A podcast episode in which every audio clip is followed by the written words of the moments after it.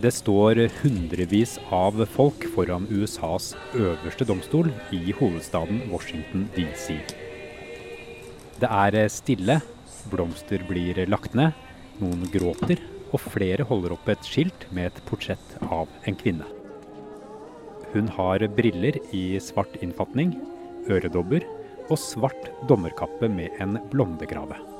Advokat og høyesterettsdommer Ruth Bader Ginsburg har vært et ikon og en bauta i likestillingskampen i USA. I ask no favor for my sex.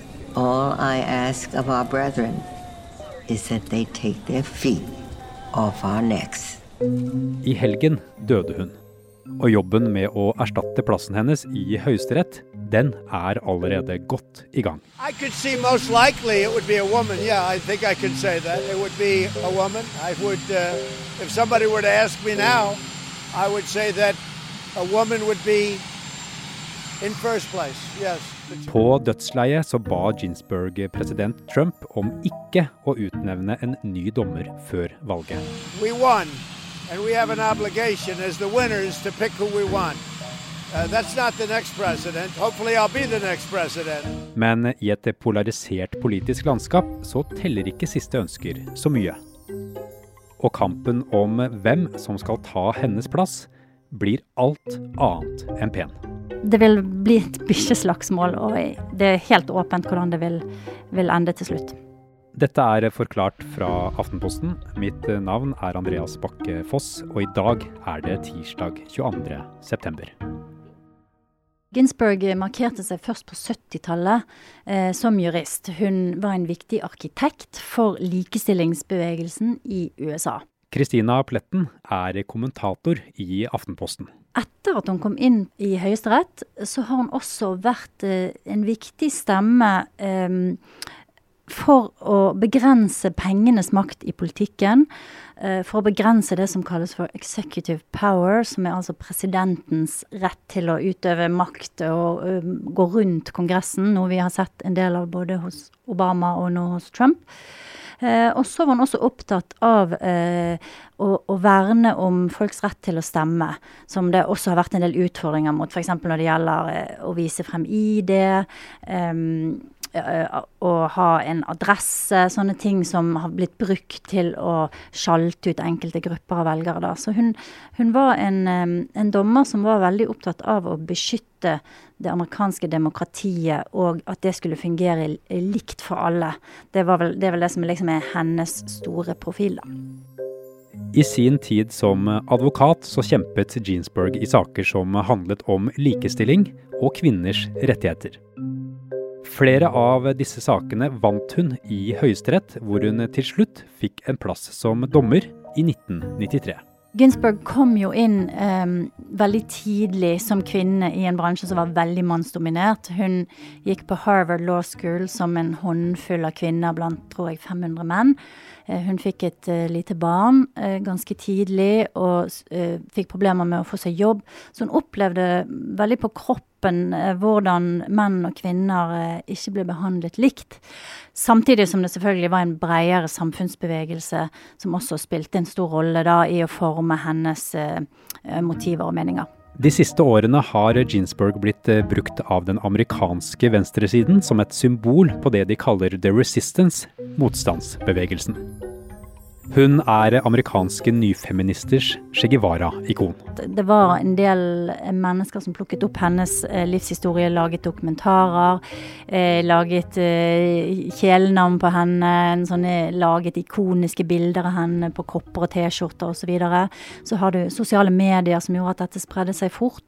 og så har du et generelt politisk klima med mye polarisering og splid de siste ti årene, der Ginsburg ble en tydeligere og tydeligere profil fra Høyesterett, eh, og kanskje ble en av en håndfull kvinner som Elizabeth Warren og Hillary Clinton også ble, som, som ble på en måte symboler for, for den kampen som eh, jeg tror veldig mange på venstresiden føler at de har stått i de siste årene. Fredag den 18. september så døde hun. En av de tingene som det ikke har vært veldig mye oppmerksomhet rundt de siste dagene, naturlig nok, eh, er at for noen år siden, da Barack Obama fortsatt var president, så var det en god del press på henne eh, om å tre av allerede da. Eh, og Grunnen for det var at hun allerede var eh, gammel, og hun hadde vært kreftsyk siden 1999, og den kreften kom igjen. Og veldig mange fryktet akkurat det som har skjedd nå, at hun skulle gå bort eh, under en republikansk president og bli erstattet med en konservativ dommer. Og det går jo selvfølgelig an å stille spørsmål om kanskje det hadde vært smart da, eh, å, gi plassen sin til noen som var yngre den gangen det var relativt trygt, i, sett fra deres side. Kanskje var det også derfor hun på dødsleiet ba barnebarnet sitt gi president Trump en beskjed. Mitt aller sterkeste ønske er at jeg ikke blir erstattet før en ny president blir tatt i ed.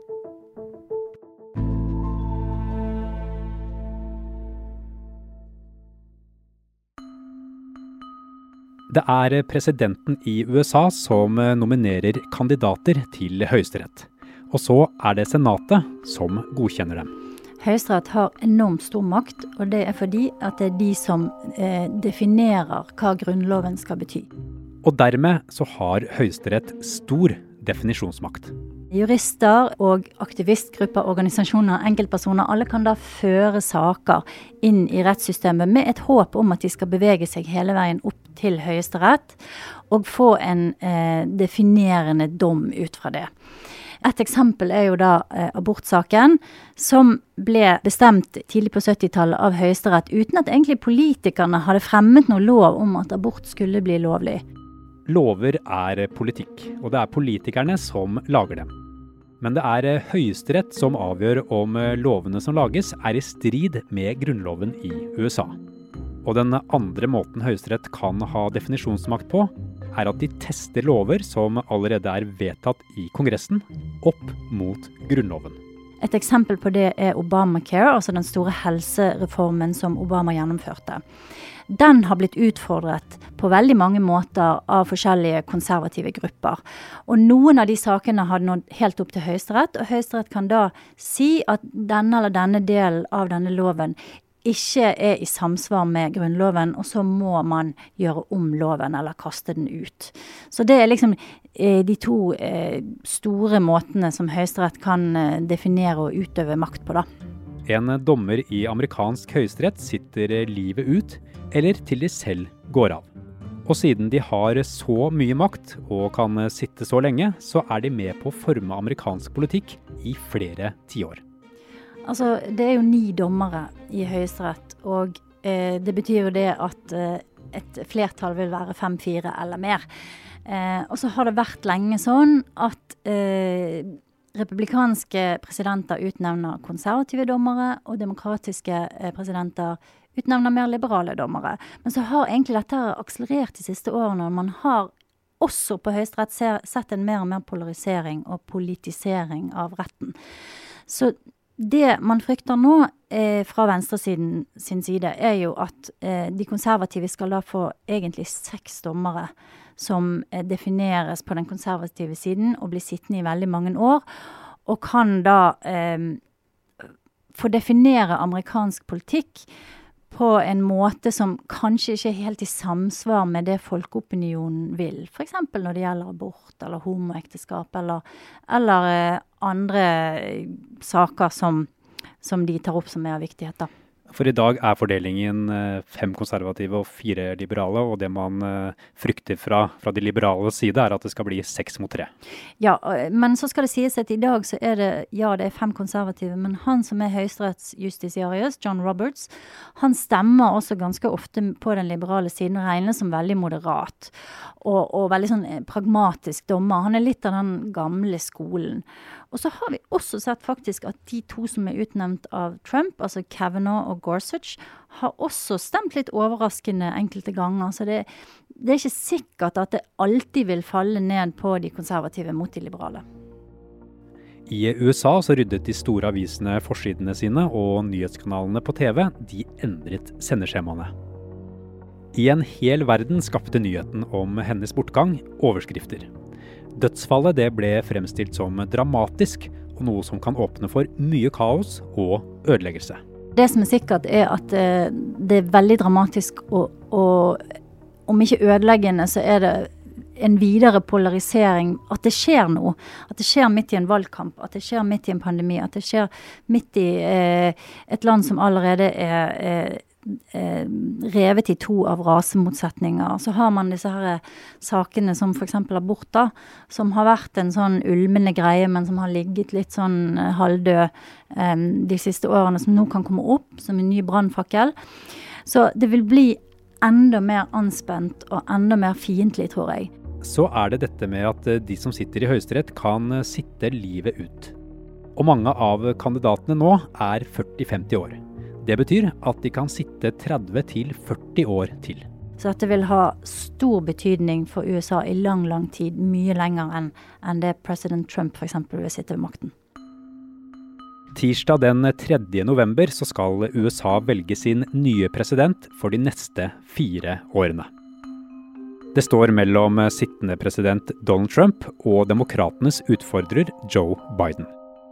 Og nå er spørsmålet om Trump kan utnevne en ny kandidat før valget, eller om han bør vente til man vet hvem som blir ny president. Well, we'll see what happens. We'll be talking to people soon. Uh, we have great respect for the process.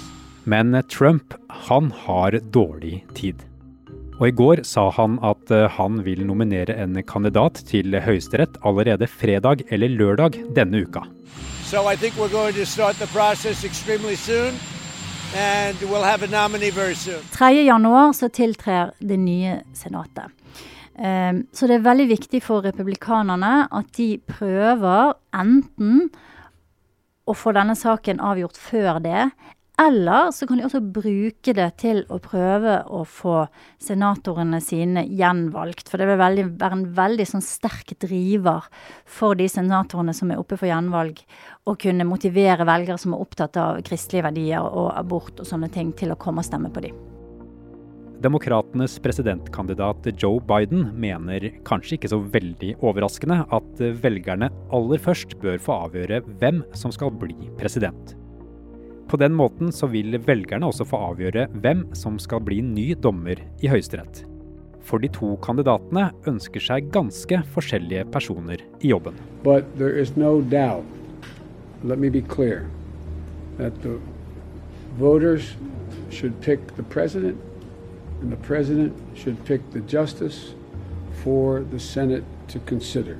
På et valgmøte i Nord-Carolina lørdag så gjentok Donald Trump at han har loven på sin side. So Article 2 of our Constitution says the president shall nominate justices of the Supreme Court.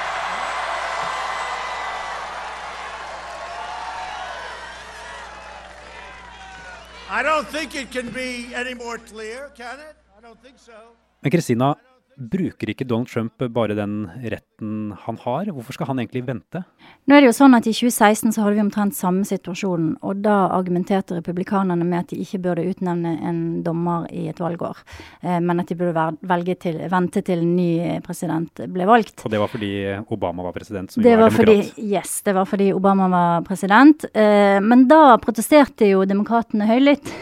så nå har vi egentlig helt motsatt situasjon, da, der, eh, der begge parter er jo egentlig motsier seg selv. Eh, men det er klart at eh, for demokratene så er jo dette her en, en, ganske stor krise, da, fordi at de eh, hvis, hvis, republikanerne klarer å presse dette gjennom før eh, årsskiftet, så, så, vil de ha en veldig sånn viktig maktfaktor i mange år fremover, nesten uavhengig av av hva politiske, politiske maktfaktorer vi har i Kongressen og i Det hvite hus. I Nord-Carolina begynner tilhengerne til Trump å rope 'fill that seat'. Fyll opp det ledige setet.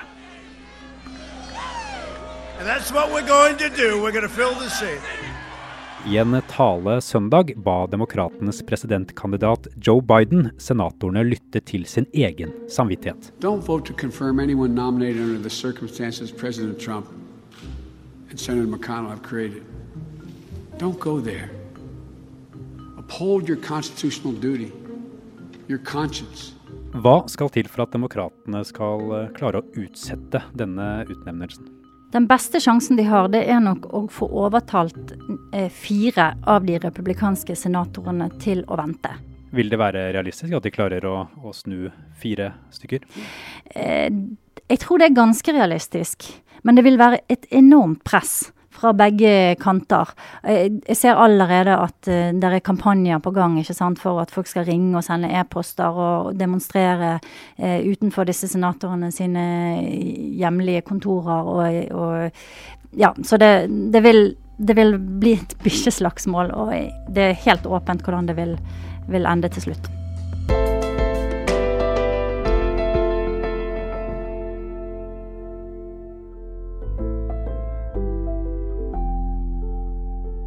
Forklart lages av Caroline Fossland, Anne Lindholm, Fride Næss Nonstad, Marit Eriksdatter Gjelland og meg, Andreas Bakke Foss.